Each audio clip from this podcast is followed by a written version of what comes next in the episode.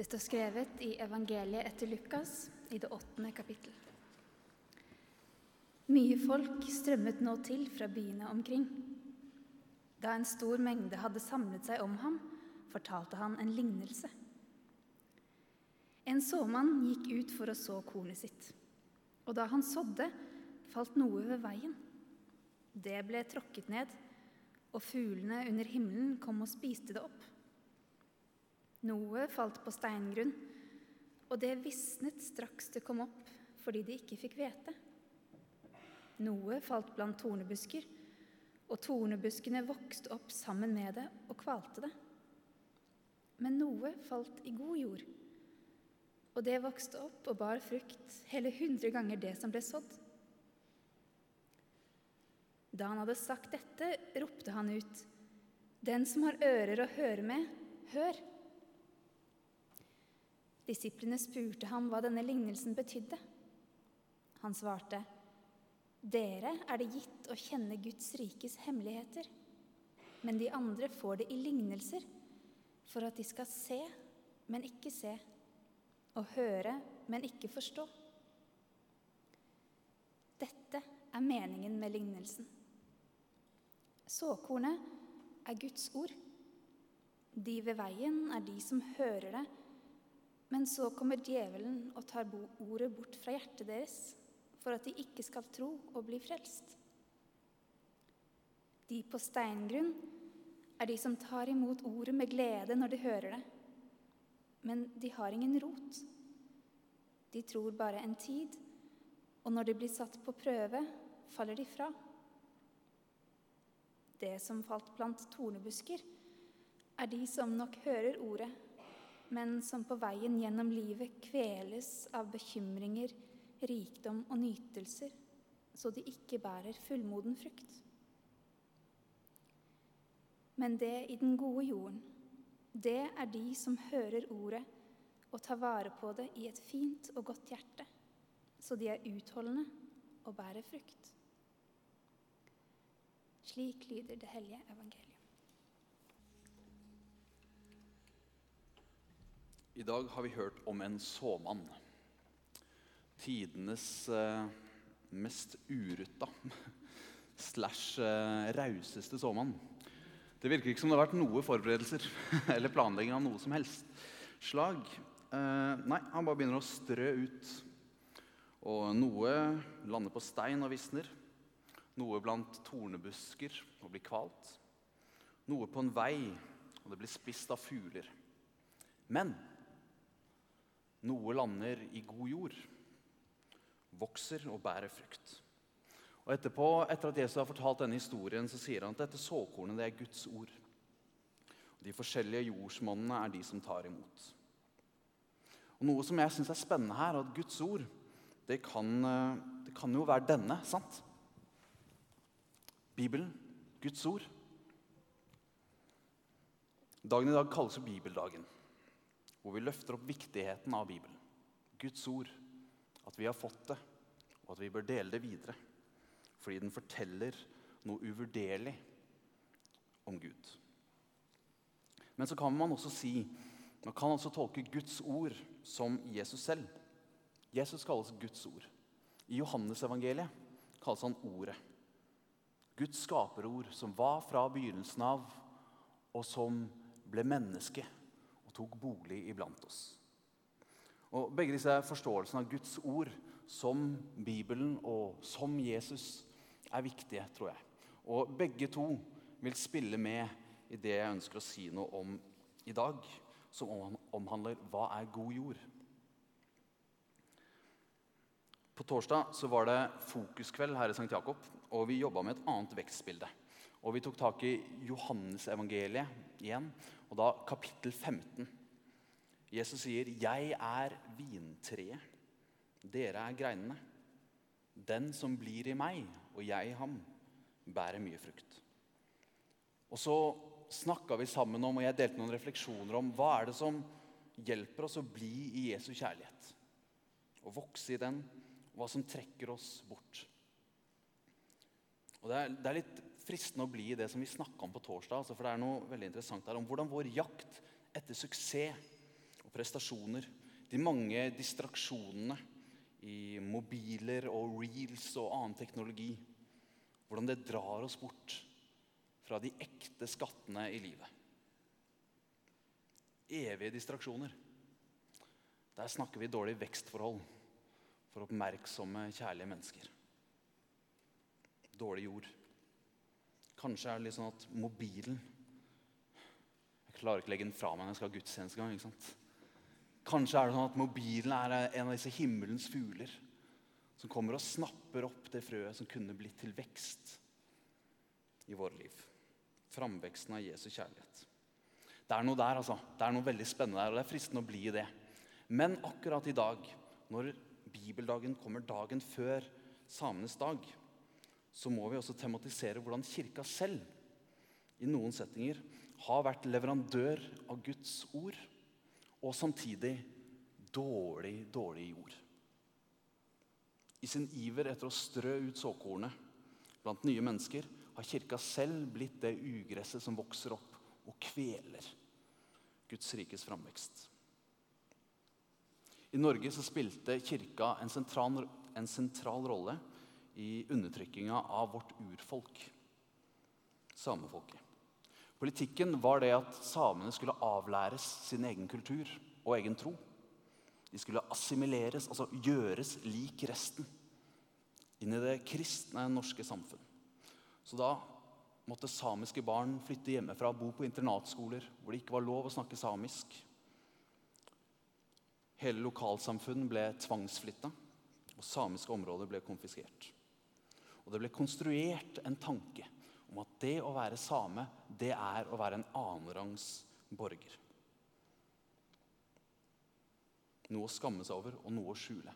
Og det sitter igjen helt til vår tid. Jeg tipper noen flere enn meg her inne har hørt ordet same bli brukt som et skjellsord. Det har ført til at folk den dag i dag bærer på skam påført av kirka pga. deres samiske opprinnelse og kultur. Og jeg må bare si dette i klartekst. Dette kan ikke unnskyldes med at kirka har et viktig budskap. Det er ikke sånn at målet helliger middelet. Det er ikke den her til enhver pris. Det kirka bidro til, av undertrykkelse av samefolket er en forbrytelse.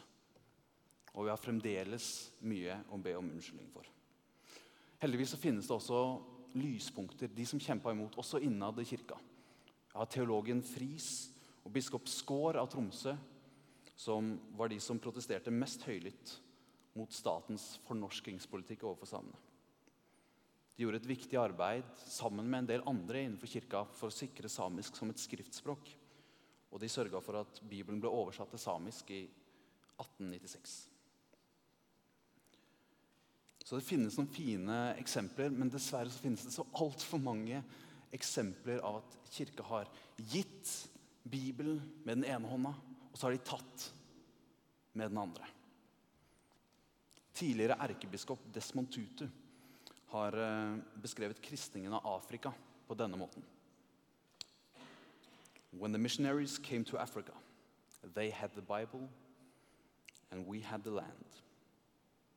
They said, Let us pray. We closed our eyes, and when we opened them, we had the Bible and they had land. I noen tilfeller så har kristendommen blitt brukt som et middel for mennesker som søkte makt og rikdom. I andre tilfeller så tror jeg kirkas kvinner og menn har hatt gode intensjoner og ønska å dele det mest verdifulle i livet. Mye godt er gjort, men i noen tilfeller, i sin iver etter å gi Guds ord til nye folkegrupper, så har Kirka glemt at Guds ord allerede lever blant de menneskene de møtte. Selv uten Bibelen. Ja, for i ethvert menneske i enhver kultur som finnes på denne kloden, så finnes det avtrykk av den skaper som har skapt oss. Guds skaperord. Vi er skapt i Guds bilde. Vi bærer Guds ånd i oss. Og Folk som aldri har hørt om Bibelen eller Jesus, kan lære oss noe om den Gud vi tror på. For Guds skaperord er sådd raust omkring overalt. Og Det gjør det jo desto mer tragisk at Kirka gang på gang har forveksla evangeliet med sin egen kultur og levesett. En sånn litt sånn fariseisk tankegang om at vi har forstått. Bare gjør som oss. Bare lev som oss. Da er dere også innafor. Men så er jo evangeliet at Jesus tar til seg vidt forskjellige mennesker. Mennesker som ingen så fortsatt kunne være innafor, og så definerer han de som innafor. Han ser mennesker, han ser liv og kulturer. Han ser de alle som uerstattelige, skapt i Guds bilde, verdifulle i seg selv. Og så løfter han de opp til et liv med Gud. Den briljante amerikanske teologen Rachel Held Evans hun sier det som dette her. What makes the gospel offensive, altså det som er evangeliets anstøt, det utfordrende, isn't who it keeps out, but who it lets in. Det er selve evangeliet, nåden, som vi, bærerne av budskapet, har så vanskelig for å gripe. At oss selv, og samtidig noen som er helt annerledes enn oss, er skapt av den allmektige Gud. sånn som de er. Ja, de som er annerledes, kan til og med lære oss noe om vår Gud. Og mister vi de i vårt fellesskap, så blir hele fellesskapet fattigere. Ja, vi ser faktisk litt mindre av Gud. Mangfold er ikke en trussel for kirka. Mangel på mangfold er en trussel for kirka. Derfor markerer vi samenes dag. sant? Vi feirer den samiske kultur med, samiske, med det samiske språk i liturgi og i salmer. Derfor går vi i pride og feirer skeive og den rikdommen de tilfører kirka. Derfor prøver vi å ha et mangfold av musikalske uttrykk på hver enkelt gudstjeneste. Vi har temagudstjenester med ulikt fokus, og vi har en kirke som forsøker å romme alt fra svingkveld til sevbønn. Sankt Ja-kantoriet og studentlunsj. For i mangfoldet ser vi glimt av den skapende Gud, som ser på det skapte og ser at det er godt. Men også i Sankt Jakob så står vi i fare for å assimileres, bli like.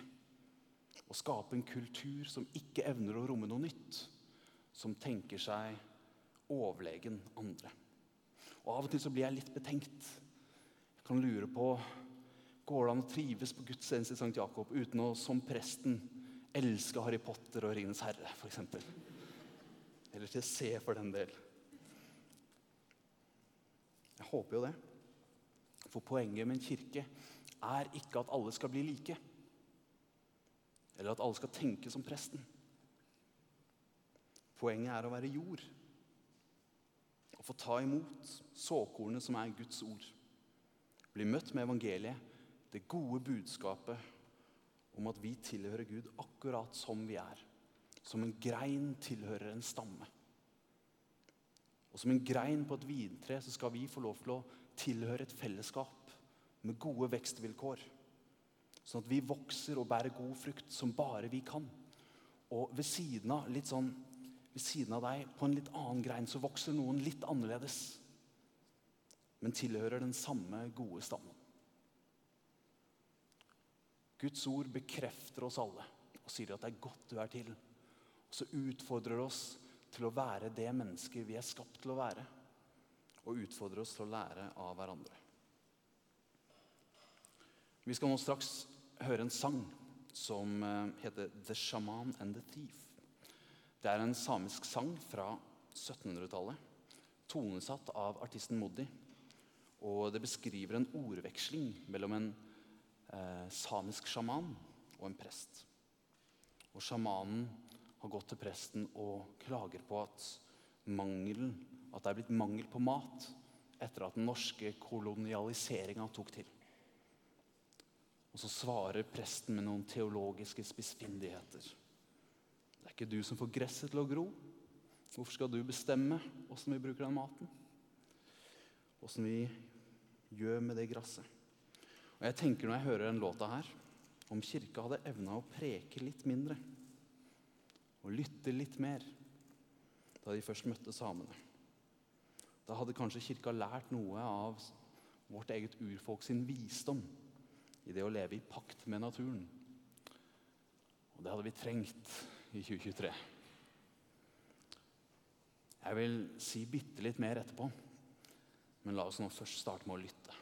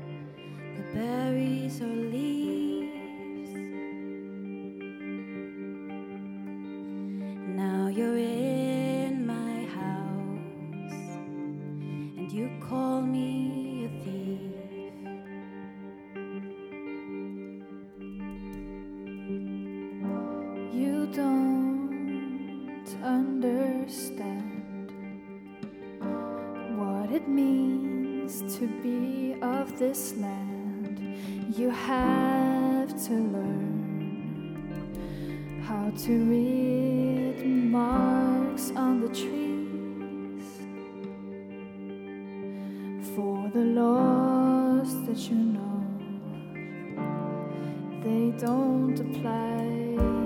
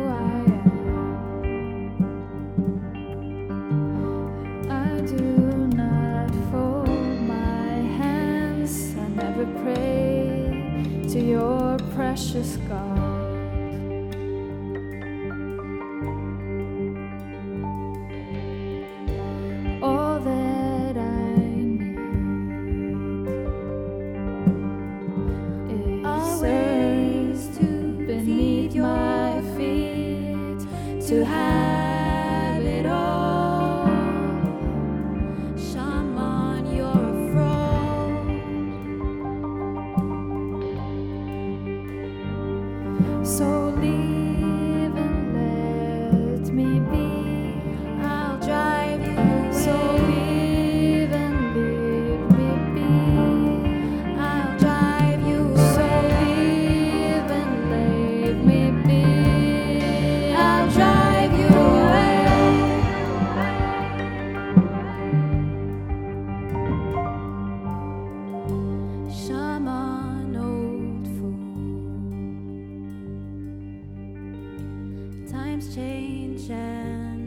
shall.